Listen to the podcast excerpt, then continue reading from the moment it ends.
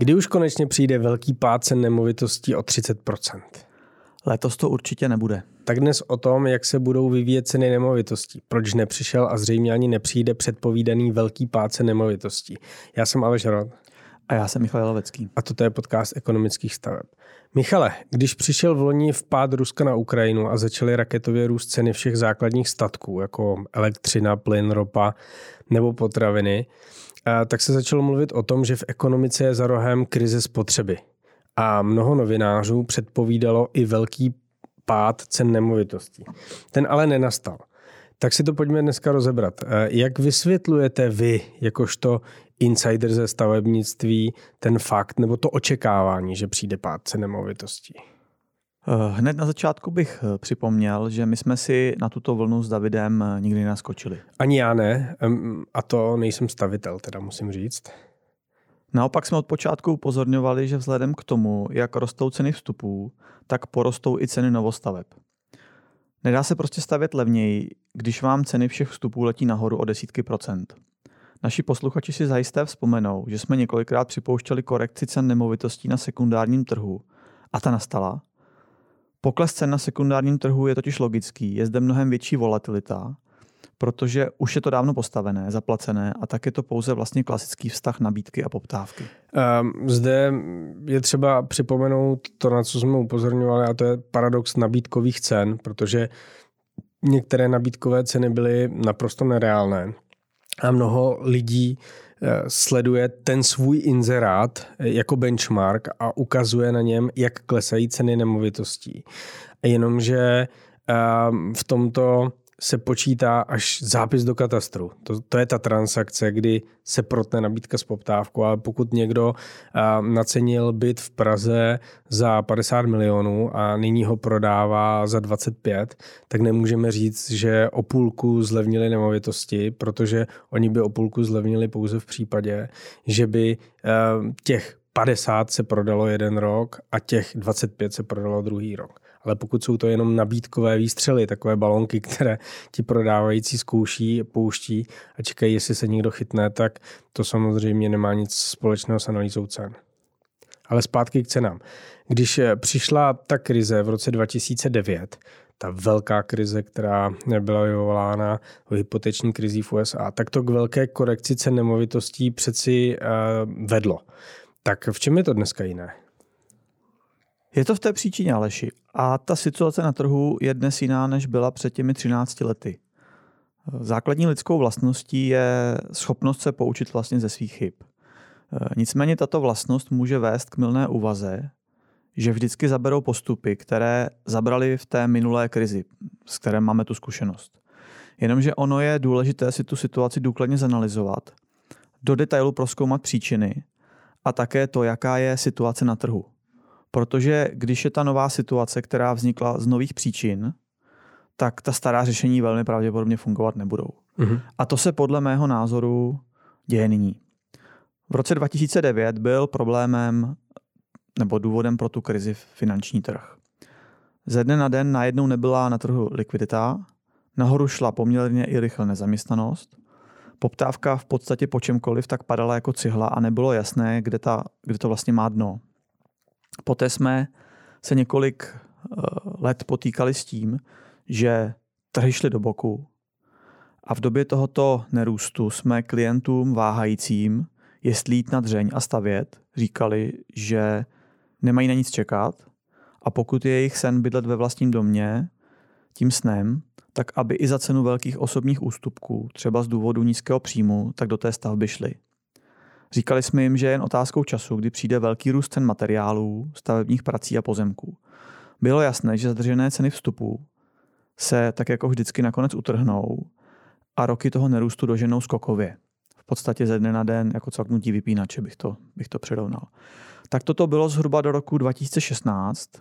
No a pak přišel ten čas toho utrhávání. V té době bylo dost těch, kteří e, nás neposlechli a, a těch váhajících, eh, kteří to rychle pochopili z, z této skupiny a doběhli ten ujíždějící vlak ve stanici na poslední chvíli, tak bylo také, také jenom několik. Malá skupina těch, o kterých jsem již mluvil, eh, ti, kteří do toho šli za tu cenu velkého osobního nepohodlí, zadlužení, půjček například v rámci rodiny a podobně, tak ti to jsou nám dodnes velmi vděční, protože vidí, jak neuvěřitelně ušetřili, jak je to vlastně, jak je to vlastně velký balík peněz. Klasicky eh, nejvíce bylo těch, kteří měli pocit, že mají dost času, chtěli si třeba více peněz našetřit, eh, než půjde do stavby. Ti to si mysleli a říkali nám to vlastně na našich obchodních schůzkách, že to, že jim, eh, že jim říkáme, že přijde ten velký skok v cenách, je klasický obchodní trik, který oni znají z jiných odvětví a vlastně nám jde jenom o to, abychom překonali klienta, aby uzavřel obchod a aby jsme, aby jsme měli, aby jsme měli deal, business prostě, aby jsme mohli stavět. Nevěřili nám v ten velký skok, čekali ten plynulý nárůst, mm, že se to vrátí vlastně tak, jak to bývalo, čili o nějaké jednotky procent meziročně. Oni si mezi tím našetří balík peněz, který potom eh, budou alokovat do té své nemovitosti No a bohužel teda po roce 2018 začali chytat eh, jednu ránu, řekl bych osudu za druhou. Nejprve to byl jako první takový ten logický uh, skok cen materiálů, skok cen pozemků, stavebních prací, to, co se dalo očekávat, to, co my jsme predikovali. Jenže pak přišly dvě nečekané rány, které my jsme teda nepredikovali. A to bylo v roce 2020, 2020 eh, tak připlula černá labuť jménem, jménem COVID a za další dva roky něco, co vlastně já jsem si nedokázal představit, že v Evropě jako je možné a to je válka na Ukrajině. No a výsledkem je, že my vlastně jako vidíme, že po 12 letech eh, u některých, u některých typů domů vlastně je ta cena dvojnásobná. Hmm. No a ekonomové eh, rozlišují mezi takzvanými adaptivními a racionálními očekáváními. Ti adaptivní eh, očekávání jsou včera nepršelo, dneska taky nebude, nebo včera pršelo, dneska taky bude. A racionální říká, včera nepršelo, to ale nic neznamená.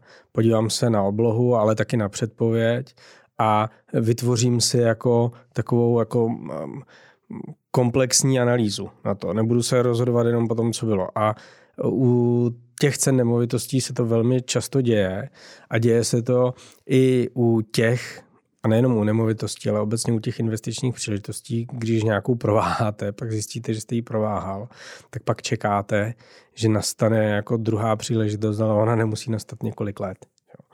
A v čem se ta situace eh, ještě eh, liší, nebo jaké jsou tam další příčiny, eh, když porovnáváme vlastně ty dva stavy, které jsme si nadefinovali před chvilkou? Já jenom řeknu, že eh, když si mám vybrat, tak já jsem absolutně racionální strana, takže mám racionální čekávání, teda jako ty adaptivní vlastně, to, to se s tomu jo, směju. Ty adaptivní to... jsou chybné, protože vedou jo, k těm jo. jako ne, nežádoucím představením a právě jako ekonomie, jako věda o lidském jednání se snaží lidi tlačit k tomu, aby dělali racionální očekávání, jo, jo, to je pořádku, ty adaptivní. No.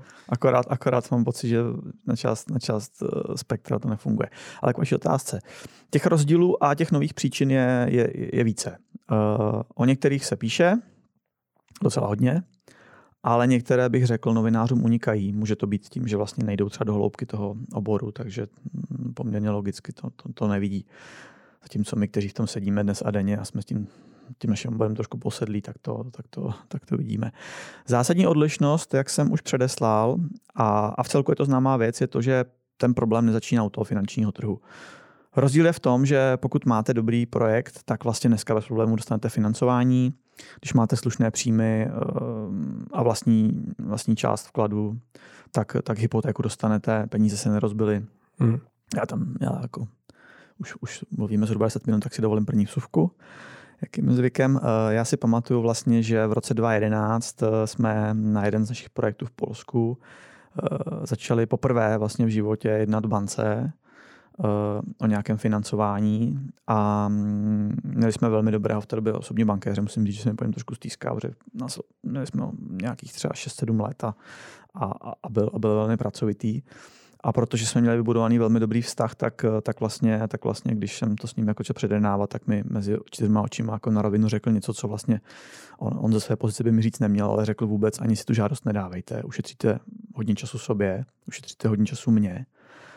E, samozřejmě, že vám to v bance nikdo neřekne, my vám to zamítneme z nějakého, nějakého důvodu nebo úplně bezdůvodně, ale vy jako obor stavebnictví jste prostě už druhým rokem na černé listině a vlastně v Polsku je jakékoliv bance je úplně jedno, jak vypadá vaše výsledovka, jestli máte zisky nebo ztráty, protože na to nikdo nekouká. Prostě uvidí takzvané PKD, což je vlastně druh oboru v Polsku a podle PKD vlastně vypadnete i hned vlastně vás, vás, vás jakoby vyřadíme. Zpátky, zpátky k tématu. Navíc rozdíl je v tom, že dnes je, je tady stále vysoká poptávka, která, jak jsem říkal v jednom z minulých podcastů, začala od října loňského roku znovu růst po dvou kvartálech poklesu. My už to vlastně vidíme. Vidíme to nejen my, teď to vlastně potvrzují i velcí developeři v médiích. Myslím, že to byl pan Kunovský z jednom z podcastů před časem ve Forbesu, který vlastně to který vlastně to potvrzoval, že oni už to taky v nějakém hmm. svém eh, systému na základě big, big data vidí. Takže, takže eh, byl tu i reportován vlastně první jiný růst eh, prodeje bytů v prvním kvartále. Navíc podle dost vlastně Čes, Český statistický úřad zveřejnil statistiku před pár dny, že, eh, že vlastně se zahajuje a dokončuje o pětinu bytů meziročně méně. Takže tam jako každý ekonom si přesně jako dokáže namalovat, že v případě, že to bude takto pokračovat, co se stane. Hmm. Eh, a já nyní vidím ještě jednu zásadní odlišnost, kterou si většina novinářů právě vůbec neuvědomuje, proto predikují špatně, ale která velmi silně tlačí proti poklesu. A my jsme se s ním vlastně shodli s Davidem po minulém natáčení, když jsme si sedli a rozebírali jsme to natáčení, tak vlastně, tak vlastně, tak vlastně jsme se na něm, na něm shodli. Mohl bych typovat, ale pojďme rovnou na to, co to je. Zásadní odlišnost, tak už jsem předeslal, je v tom, že problém začíná od finančního trhu a další podstatou odlišností je také situace velkých developerů a ta je dnes zcela jiná. Za těch 13 let eh, většina těch velkých etablovaných developerů, o těch vlastně v tuto chvíli mluvím, stavitelů podobného řádu, tak vydělala velké prostředky a vyřešila vlastně většinu svých dlouhodobých závazků, které vznikly po té, co začali, začali po revoluci podnikat, eh, museli se zadlužit, eh, museli, museli prostě v podstatě vše, eh, veškeré své projekty vlastně opřít o bankovní financování. Někteří to opřeli o burzu a ty bohužel, bohužel jak víme, máme tady jeden velký případ, který do dneška se řeší a který vlastně nedopadl dobře. A s tím vědomím, že může přijít další krize, protože ta finanční krize, krize trošku vytrestala některé více, některé méně, tak pochopili, že zásadní je cash management. Tedy i kdyby se rozbily peníze, tak už je to dneska nepostihne jako před těmi 13-14 lety. Mm-hmm. Vydělané peníze investovali do své budoucnosti, my dneska vlastně víme, a oni se tím ani netají, že mají, mají nakoupili velké množství pozemků. Eh, v případě, že měli volné peníze a byl zajímavý projekt převzetí nějaký v polohotové fázi, tak ta, u těch, kterým došlo financování, tak, tak ho převzali za, za, za hubičku, jak se říká lidově.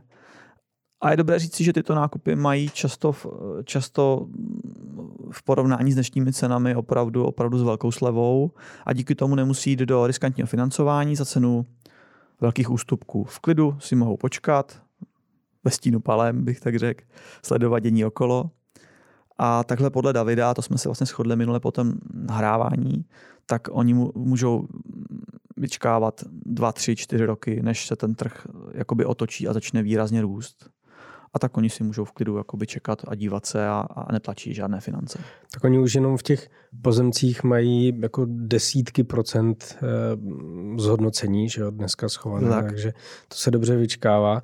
A tak. když se na to podíváme eh, jako tu ekonomickou analýzou, tak můžeme predikovat, že budeme svědky spekulace se side efektem eh, růstu v nájemním bydlení?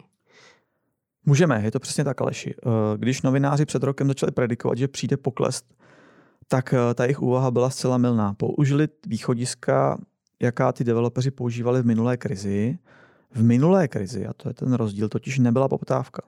My jsme to fakt zažili, ona nebyla fakt skutečně pět let.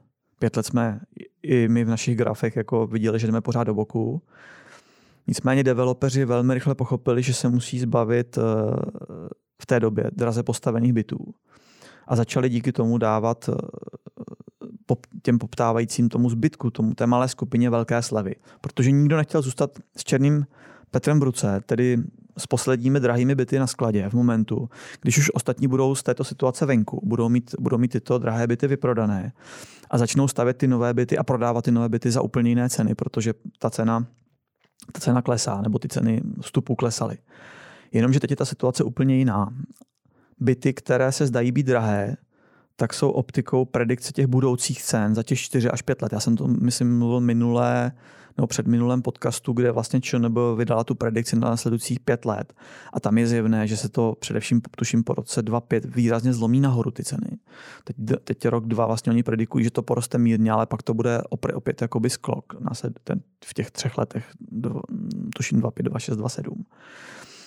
Ta poptávka nezmizela, ona, jak jsem říkal už několikrát, a my to vidíme, tak roste. Eh, jak říkám, potvrdil to i pan Kunovský vlastně ve Forbesu, že oni to také vidí. Mm-hmm. A ti budoucí kupující pochopili, že vlastně nechtějí být eh, ve velké skupině čekajících, kteří v letech 2011 a 2012, jak jsem tady dnes říkal, prováhali ten levný nákup. Eh, možná, že někteří, někteří si to pamatují, to znamená, mm-hmm. možná mají někoho v okolí, kdo se jim směje a říká, no vidíš, já jsem tenkrát postavil ten, ten 70 metrový bungalov na klíč za 3 miliony a dneska stojí 6. Takže, takže eh, ti, to, ti to se možná, možná někteří poučili a, a díky tomu my vlastně vidíme už třetí kvartál, že ta poptávka roste. Takže mm, nemá pro ty, nemá pro ty developery vůbec žádný smysl se zbavovat eh, bytu nyní za levno, protože ta predikce je jiná. Oni, oni se nebojí, že zůstanou s tím černým Petrem v ruce. A je mnohem výhodnější jít uh, některé části projektu nebo i celé projekty zaparkovat do nájmu, a za pár let si pro ně vlastně dojdou, protože oni za pár let budou levné a prodají dráž, než kolik stojí dnes a do té doby budou mít na pohodu vlastně víno z nájmu. Hmm. My v novinách často čteme, eh, že se tohle přeci nikomu nevyplatí, jako držet byt, neprodávat ho nebo ho dokonce pronajímat, protože prostě když si vezmeme roční nájem s ohledem na nějakou kupní cenu, tržní kupní cenu, což je ta první chyba, že jo? protože ti developeři jako nekalkulují s tržníma cenama a ve svých vlastních predikcích, takže se to nevyplatí, že tam je nízký výnos, ale oni nepočítají jednak s tím, že ta cena toho developera jako není tržní, ale on si čeká na tu tržní cenu tím, že ji porovnává s těmi nákladovými cenami mm-hmm. a za druhé oni nepočítají s růstem ceny aktiva, protože ty výnosy se sčítají. Že jo? Když se mi byt zhodnotí o 7% a ještě mi přinese jako 3% eh, ehm, eh, na výnosu z nájmu, tak. no tak je to 10. Není přesně, to 4 přesně. nebo 7 nebo 3. Je to tak. Přesně tak, přesně tak. Uh, ona to, ona to vlastně, Aleši, eh, další vlastně milná taková, já už to dneska pro ty novináři, jako já to nemyslím jako zlé, jo, to, jako v, podstatě, v podstatě já tomu rozumím, že oni toho mají hodně, hodně, hodně jakoby témat. A, a ono se k tomu vyjadřuje i řada jako expertů ano. a v úvozovkách expertů. A že? takže jako nejde o to, že bych tady jako chtěl dělat chytrýho, ani jsou hloupí, to vůbec ne, spíš jde jenom o to, že si asi tu úvahu neudě, ne, nejsou schopní z časových důvodů udělat tak, tak hlubokou, a opravdu, opravdu my, co v tom ležíme a vlastně, a vlastně nemáme jiné, jiné obory, tak, tak, tak jsme jako v velkém detailu. Takže to je další ta jako trošku milná úvaha a ti novináři si vlastně spočítají výnos, řeknou si, hm, to je málo, jenomže to je úvaha pro nemovitostní fond, to znamená jeho vlastně každý nemovitostní fond má primární cíl zisk, pro, zisk z nájmu pro nějaký roční nebo roční výnos pro investory řekněme 4-5 a developer se na takovou situaci dívá, řekl bych, pohledem investora do akcí, když to bych to měl mm-hmm. k něčemu přirovnat, co, co, mm-hmm. budou, co budou naši posluchači znát. Takže eh, ten investor do akcí vlastně sází na, na trhu, na to, co ten trh udělá, kam jeho akcie porostou, takže si vlastně v klidu může zobat eh, malou dividendu a trpělivě si vyčkává, až přijde jeho čas protože dnešní developer nemusí řešit eh, problém s dostatkem financí. To je právě to, co jsem říkal. On má, hmm. on má splaceno, on má nakoupeno pozemky, projekty zamražené na skladě a takže to je vlastně ten rozdíl v tom, jak to bylo před lety a jak je to dnes. A připomínám, že znova mluvím o těch etablovaných developerech, o těch velkých, o těch, co tady jsou delší dobu, o těch stavitelích, kteří už něco postavili jak říká David trošku, tak nemluvím eh, tady o dvou mladých klucích, co si v covidu řekli, že být developerem je cool, je to snadné, v podstatě only sky is the limit. Šli k notářovi, založili si za korunu SROčko, vydali dluhopisy, prodali dluhopisy a začali chystat nějaký projekt. Tak toto dneska vlastně vidíme, že ti to mají velký problém, protože ta dnešní situace je nějakým součtem komplikací a zbývá jim takhle dá zkusit to rychle prodat někomu velkému. Jenže na to už je popravdě trochu pozdě. Eh, při nejmenším na to prodat za dobrou cenu. Ty časy na výhodný prodej se ziskem byly před rokem. Hmm.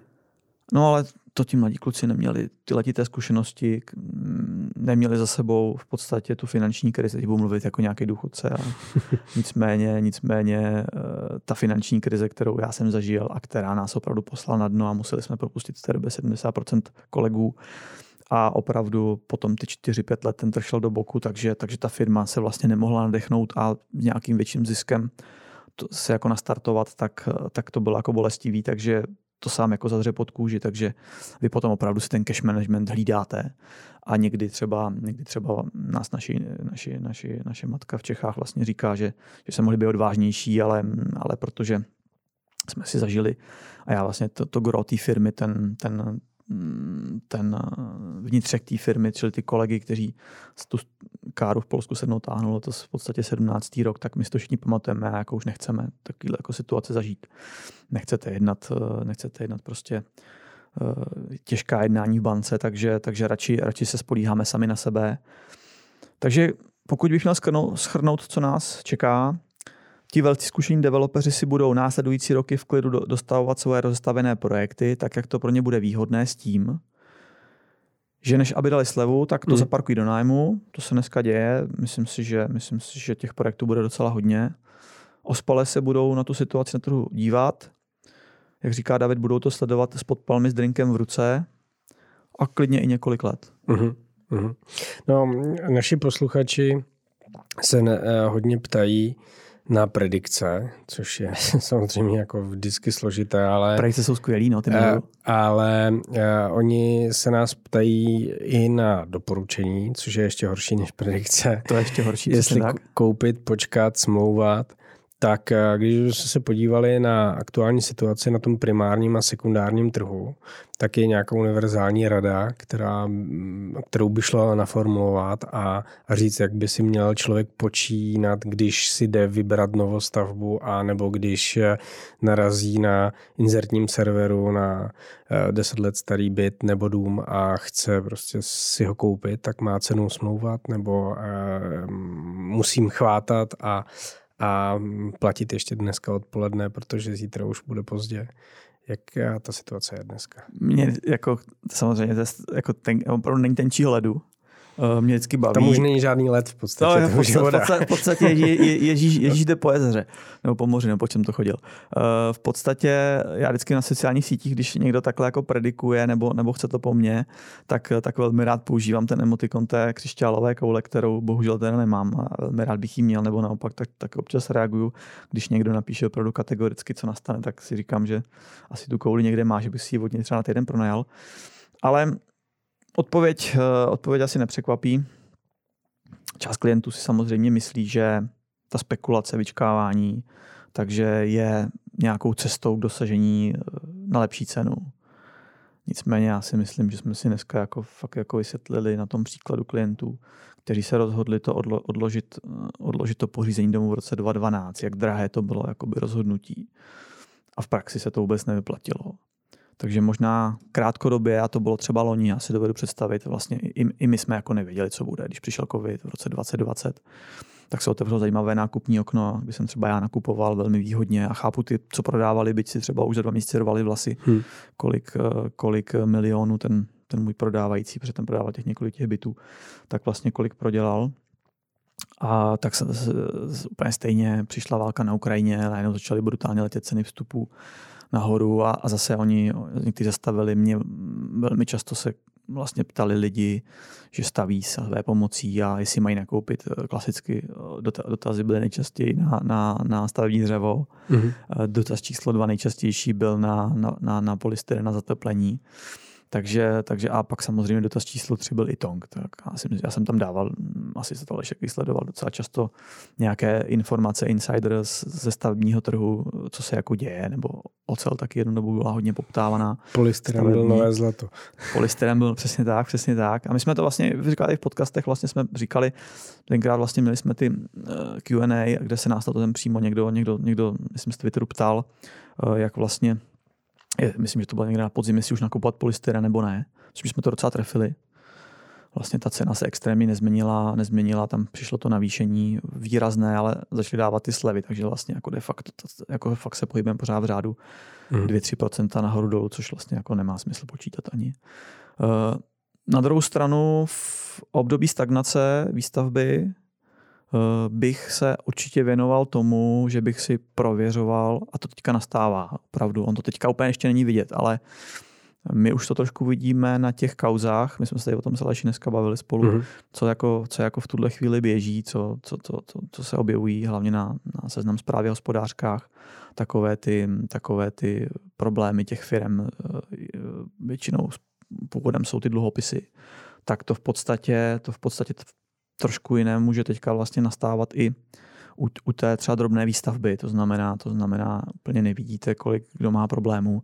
Párkrát jsme to taky zmiňovali, takový ten, taková, ta, takový ten, taková ta sněhová koule, kdy z vašich uh, pladeb uh, staviteli se platí dluhy předchozích let. A a tento, a tento v podstatě jakoby neustále nabaluje, takže on vlastně už vlastně veškeré peníze, za které u vás staví, tak už vlastně někomu poslal, aby splatil své předchozí dluhy a vy vlastně, vy vlastně čekáte, až to letadlo popoletí dál a, a z, z dalšího klienta postaví, postaví potom váš dům tak, a stavba se zdržuje. Tak to teďka znova nastane. Já si myslím, že, já si myslím, že to bude v podstatě velmi rychlé. Teď to třeba ještě nevidíme a už třeba za měsíce se můžeme jako dozvídat nějaké zprávy tohoto typu. Eh, tady bych ještě vlastně navázal David před pár dny, nevím, jestli to je aktuální číslo časopisu Můj dům, tak byl požádán, aby velmi dobře popsal, jak si vlastně při výběru stavitele mm, tu celou situaci pohlídat. To vy jste Aleši zažil s manželkou mm. u svého domu, takže byste, byste možná mohl eh, to ještě do mého domu napsat ze své strany, to znamená někoho, kdo domy nestaví. Eh, a, v tom člán- a ten článek vlastně vzal a zároveň ho zveřejnil na svém blogu davidmensel.cz a je to tam velmi dobře popsáno a, a v podstatě vůbec je úplně jedno, s kým stavíte, ale ty rady, ty rady, na co byste se měli zaměřit, tak, tak si myslím, že se může hodit každému, kdo se bude chystat stavět rodinný dům. A je to opravdu, je to opravdu z praxe a, a přichází to v dobrý čas, protože eh, teď jako to období nastává Myslím si, že i proto ten můj dům vlastně Davida požádal, protože oni to už taky jako tuší. Taky můj dům tady určitě časopis je 25-30 let, nevím kolik přesně. Takže oni přesně vidí, že nastává krize a jaká témata budou ty čtenáře zajímat. Hmm. Takže ať se vám to, abych to uzavřel, eh, nemusí dneska zdát, jak, tak jako se to nezdálo našim klientům v roce 2012, tak eh, já myslím si, že kdo se začne dívat, kdo, kdo začne řešit nákup a je jedno vlastně, jestli v sekundáru nebo, nebo novostavby, tak, tak může za dva, tři, čtyři, pět let zjistit, že ušetřil. Mm-hmm, mm-hmm. Ale asi uh, jako připravit se dobře na to jednání, podívat se na to, jaké se aktuálně, jako jak se ty ceny pohybují a, a, a jaká, jak je třeba energetický štítek jako těch staveb na tom sekundáru. Rozhodně. A jestli tam je možné prostě v budoucnu implementovat fotovoltaiku nebo není, tak to jsou všechno aspekty, které je možné použít. Přitom si říct o tu slavu. Protože na to byl jeden, jeden eh, komentář, jako jak postupovat, jak, jak jednat eh, při eh, tom, když si chceme něco koupit, tak jako kdo je dobře připraven, tak určitě prostě na tom bude líp, než ten, kdo připraven není. Hlavně u těch domů na tom sekundáru, co jsme to řekli minule, minule, je dobré si pohlídat, co kupujete skutečně, protože jako víme, že v Evropské unii v tuhle chvíli se připomínkuje návrh, který by nařídil v podstatě povinné zateplení a podobně, tam ty všechny ESG věci svázané s domem. Takže eh, do budoucna se ty starší, hodně staré domy ze sekundáru mohou jako velmi prodražit, takže to bych si pohlídal. Uh-huh, uh-huh. Uh, mám tady ještě jednu otázku, která je na vás jako dělaná, protože uh, jsem se dočetl, že stát chce, a jste to určitě četl taky, že stát chce poslat přes 440 milionů korun na mzdy asi pětistovek lidí, kteří budou radit eh, zájemcům o bydlení, jak to bydlení levně sehnat, jak optimalizovat prostě jako financování toho bydlení a jak si zkrátka jako dovolit eh, hezký byt nebo dům. Tak co na to říkáte? To je ale šupa lahutka na závěr, já jsem to samozřejmě četl. Eh, asi nevím, jestli se k tomu chci vyjadřovat. To, co vláda předvádí, je pro mě z měsíce na měsíc větší a větší zklamání. Vy jste byl nedávno v podcastu Insider, já jsem si to taky poslechl, bylo to velmi dobré, musím, musím, musím vás všechny čtyři pochválit jako velmi, velmi zajímavý podcast. A zároveň mě tam jako pobavilo, nevím, kdo to tam řekl, že současná vláda je vlastně babiš lidskou tváří a já mám teda čím dál víc pocit z toho, co ta vláda dělá, že to, že to je úplně trefný před volbami ta retorika té současné vlády byla jasná. Máme všechno připraveno, to tam vlastně taky mimo jiné zaznělo, jestli nepletu. Měsíc po vyhraných volbách otevřeme desky s přípravami a začneme konat. A jako za roky to tady prostě úplně jako v podstatě jakoby Švýcarsko. No a vlastně po těch volbách se ukázalo, že jako ty desky se asi ztratily, nebo já nevím, kde jsou, protože jako nic se jako neděje. Uh, proti těmto proklamacím eh, musím říct, že já mám čím dál větší pocit, že jdeme řeckou cestou. Vy jste tam na druhou stranu zmínil v tom podcastu, si nepletu, že na druhou stranu Řecko má dneska přebytkový rozpočet. Jako já jsem, to mě teda překvapilo. to, jako, to jsem jako nevěděl. Takže jako musím říct, že jako možná, že tam taky dospějeme, ale trošku se bojím, jako mezi tím budeme muset projít tím údolím smutku a to mě jako trochu děsí. Zadlužení vlastně státu roste každý měsíc o tolik, jako, jako dřív za celý rok. A místo toho, aby vlastně vláda reagovala tam, kde je to potřeba, nasměrovala ty finanční toky tam, kde je to potřeba, tak vymýšlí podobné nesmysly. Ty schodky ještě víc prohlubuje. A vlastně, víte, vy jste to taky, myslím, zmiňoval na tom podcastu vy konkrétně, to je vlastně hlavně ukázka toho, jako 440 milionů, jako všichni víme, že je kapka v našem rozpočtu státním, jo, ale já myslím, že jde o ten trend, jo, ta vláda vlastně ukazuje, že to je, že jako se ukazuje nesmysl za nesmyslem. My tedy nejsme schopní prostě zdanit, zdanit víno, to je pro mě úplně nepochopitelný. Eh, platíme tady úplně nesmyslný mraky dotací na úplně nesmyslný projekty eh, nebo, nebo podnikatelům, kteří to vůbec nepotřebují. Zase znova, říkám, ten podcast ve mě zanechal hluboké, hluboké rány. Prostě Škodovka dostane miliardu, to vůbec nechápu, a pak si pošle 24 nebo kolik miliard na svoji centrálu. Prostě jako to mě vůbec nedává logiku. Takže Aleši, jako vyjadřovat se k tomu. Myslím si, že ty lidi nebudou mít co dělat. To je číslo jedna. Já si myslím, že v podstatě budeme platit agendu mnoha stovek lidí, kteří reálně nebudou mít vůbec co dělat, protože si vůbec nedovedu představit, jak by, co by reálně mohli jako dělat ty lidi. Jako, jako budou, já nevím, běhat po insertních serverech a hledat nabídky bytů, nebo jako nebo budou ob, říkat obecné floskule. Musíte jít na insertní server, ten se jmenuje tak a tak a tam najdete to a to. No za 440 milionů, to mně přijde, že jako ty peníze můžeme opravdu asi vynaložit výrazně účelnějc. A říkám, vím, že to je kapka v moři, vím, já nevím, máme kolik máme, ale 1,3 bilionu máme uh, příjmu jako státní rozpočet. Vy no, to budete vědět? víc. Už je to víc, jo? No, je to 1,9. 1,9, už to, to, to letí nahoru, teda já mám v hlavě 1,3, to už je hodně starý číslo, to je tak někde 2,17 číslo, ne? Je to, je to, no tak zhruba asi tak. Jo, no. jo, tak jsem, zamrznul jsem ještě před krizí covidovou. Takže eh, z mého pohledu, z mého pohledu jako, jako já, ne, mě by fakt zajímalo, jestli to jsou balonky, nebo jestli to někdo jako, jako fakt to testujou, nebo jestli to, jak už jsem jako, žel by paranoidní, jak, protože těch zpráv tohoto typu se objevuje jako skutečně hodně, tak já mám jako pocit, že se mlží, aby se vlastně jako ukrylo to, o čem se skutečně jedná. Jako. Vy, já vím, vím, vím, že jste se říkal v tom podcastu, že vy vlastně nevíte, co, to, co, v, tom, co v tom balíčku, který nás chystá, jako je připravovaný. Jo.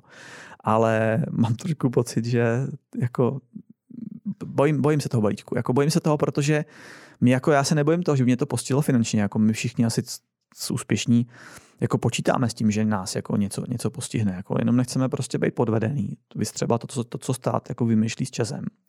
Prostě chceme, aby to bylo konstruktivní, aby to bylo fair a nevím, kdo to byl z ekonomů, někdo řekl, že tento týden, že skutečně uh, musí přijít taková reforma, která postihne všechny. Jakmile začneme z té reformy vyzobávat uh, po vzoru Dana Prokopa, který ho mám jako rád, je to zajímavý člověk, sociolog, ale prostě někdy mi ty jeho jakoby připomínky přijdou úplně mimo, jako představa, že eh, zdaníme jenom úspěšné, protože ti neúspěšní prostě mají hluboko do kapsy, tak si myslím, a nebudu se muset nějak omezit, tak si myslím, že to není dobrá cesta a jsme zase u toho trendu. Jo. Vy musíte nastavit ten trend a já naposledy zmíním ten podcast, v kterém jste byl a a přesně eh, vy jste to tam, vy jste to tam eh, v tom podcastu, podcastu přesně, přesně řekli, že bych to teďka řekl, řekl tak, jak to bylo, bylo správně. Eh, musí, musíme, prostě, musíme prostě si jako utáhnout ty opasky všichni jo? a realizovat se to mělo nejlíp loni. Jako letos je to pět minut po 12. A jestli to jako začíná stupovat ještě jako díl, tak, tak to dopadne pak, jak, a to, to ještě, tam, ještě, ještě, ještě, ještě úplně poslední, eh, je jako jeden z nejhorších signálů za poslední roky v politice byl signál jako sobotky, když vlastně byla, byl schválen ten pilíř důchodový a oni hnedka řekli, jakmile my vyhráme volby, tak to zrušíme. A to je vlastně úplně špatně. Kdyby si to mysleli a zrušili to, nemám s tím problém, ale to, že to proklamují, vy to dneska schválíte a my to zítra zrušíme.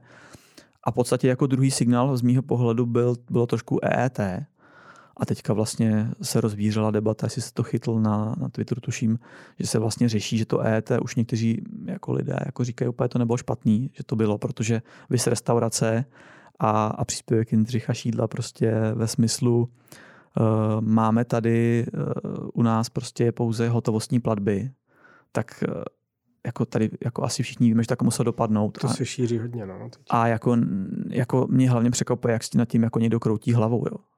To bylo přeci úplně jasný. No já, my tenhle podcast natáčíme v předvečer téměř toho, co vláda bude prezentovat, ten konzolidační balíček, takže posluchačky a posluchači možná už dneska tuší, eh, že jsme na dobré cestě, nebo eh, jsme na cestě, prostě, která pokračuje v tom, že veřejné finance jako nebudou konsolidovány, na to si musíme počkat. Líbí se mi, že to řekl slušně, protože já jsem úplně jako jiný hlavě. Ale ale já, já myslím, že eh, se podaří jako ten trend zvrátit, aspoň jsem, mám v to důvěru.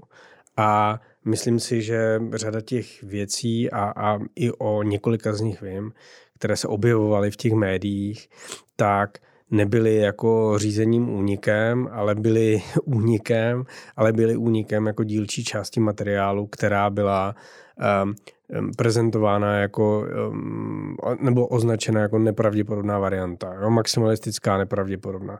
Když, a... si, když si vzpomenu na, na, na všechny fámy ohledně smrti Kennedyho, tak musím říct, že, že vám sice samozřejmě ale věřím, že to říkáte s čistým srdcem, ale, ale myslím si o tom svoje. to, samozřejmě, to samozřejmě můžete nakonec nejvíc, nebo jediné, co se počítá, co jsou ty zajíci pohonu, tak to budou ty úspory, eh, které se podaří eh, vládě najít, respektive výnosy, které se podaří vládě zvýšit. My asi oba doufáme, že eh, ty eh, úpravy budou spíš na té videové straně, Jasně. ale jak jsem zmiňoval v tom podcastu a a je to legitimní otázka, musíme si odpovědět především na to, jaký stát chceme. Jo, a pokud volič medián bude chtít stát, který za něj jako dělá rozhodnutí, který za něj eliminuje rizika, který za něj eliminuje nejistoty, tak to jde ruku v ruce s tím, že ten stát bude muset být větší, tím pádem prostě daňové zatížení bude větší. Jo, a to je legitimní debata prostě dvou světů, která se aktuálně vede a, a my budeme vidět, jako na kterou z nich se přikloní vláda pěti koalice. No já se bojím, že, že, že my, my dva s tím, co bychom chtěli, bohužel neuspějeme. No, tak uvidíme. Každopádně eh, dneska eh, jsme měli mm, díl, který se věnoval hodně eh, cenám nemovitostí a tomu, jako jestli očekávat ehm, pokles. Říkali jsme si, že ehm, dochází k nějaké korekci na sekundárním trhu a že ta korekce ale není tak velká, jako byla očekávána, protože některé ty medializované zprávy mluví hodně o korekci jako těch nabídkových cen, které ale nejsou vůbec relevantní, protože nabídková cena není realizovaná cena. Takže my bychom měli důkladně jako se řídit podle těch realizovaných cen. Říkali jsme si také, že u novostaveb nebo tom primárním trhu spíše budeme svědky vyčkávání ve stínu a čekání na na růst, který přijde s ekonomickým oživením a s poklesem sazeb a s oživením té kumulované a momentálně udušené poptávky po vlastním bydlení, protože ta poptávka existuje, akorát není realizována.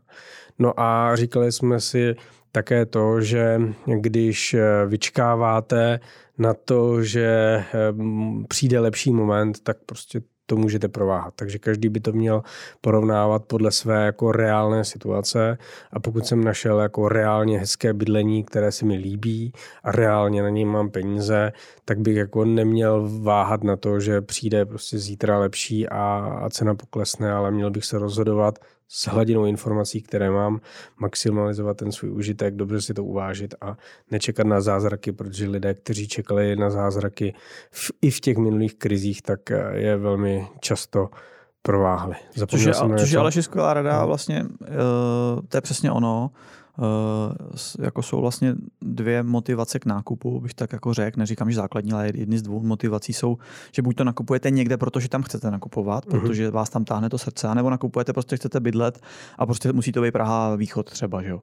Tak to je přesně ono. Já si myslím, že teď se můžou otevírat okna tohoto typu prvního, čili tam, kde se dlouho nedalo koupit, se bude moc dát koupit a v podstatě v ten moment, pokud je to místo vašeho srdce, tak to realizujte, protože velmi pravděpodobně brzo už nebude. Já jsem to vlastně zažil přesně v tom roce 2020. Otevřelo se okno, nevěděl jsem, co bude. Říkal jsem si, mám si nechat rezervu finanční na účtě, prostě covid, může to být jako velmi, velmi zlý. Ale přesně se otevřel, otevřel po dlouhé době prodej jako unikátní pro mě, pro, pro, jakoby pro moji rodinu.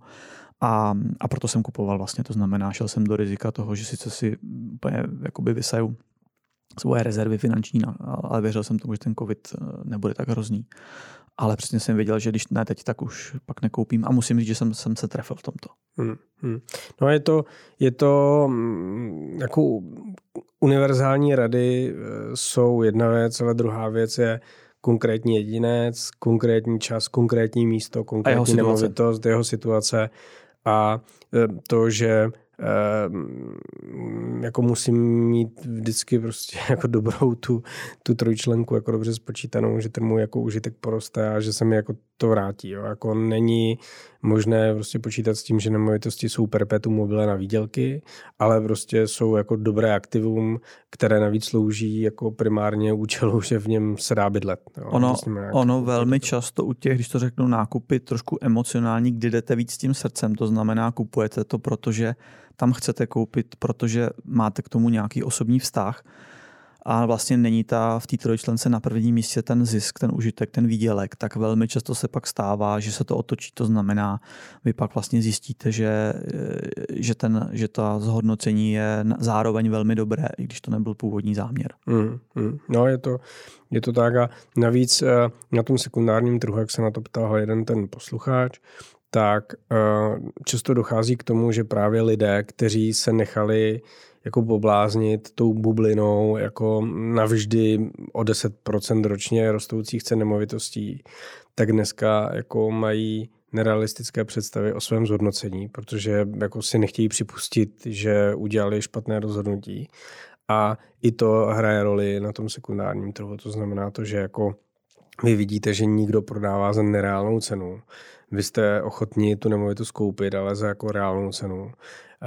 Často realitní, realitní makléř tomu člověku radí, ať prostě jako přistoupí na tu reálnou cenu, že to je jako dobrý díl, ale on má prostě pocit, že ty jako desítky procent virtuálního zhodnocení jako se mu musí podařit a um, ve svém okolí vidím, že řada nemovitostí jako takhle leží jo, on a ten, čeká. On ten Excel někdy bývá v dobrý sluha, ale zlý pán a to je přesně tato situace. Tak ať je, pro vás Excel dobrý sluha a ne zlý pán. A my díky, díky moc za to, že jste nás poslouchali. Posílejte nám vaše podněty na podcast ekonomické stavby CZ. Jsme rádi, že to děláte. Můžeme být v kontaktu i skrze sociální sítě a mějte pěkný den. Naschledanou.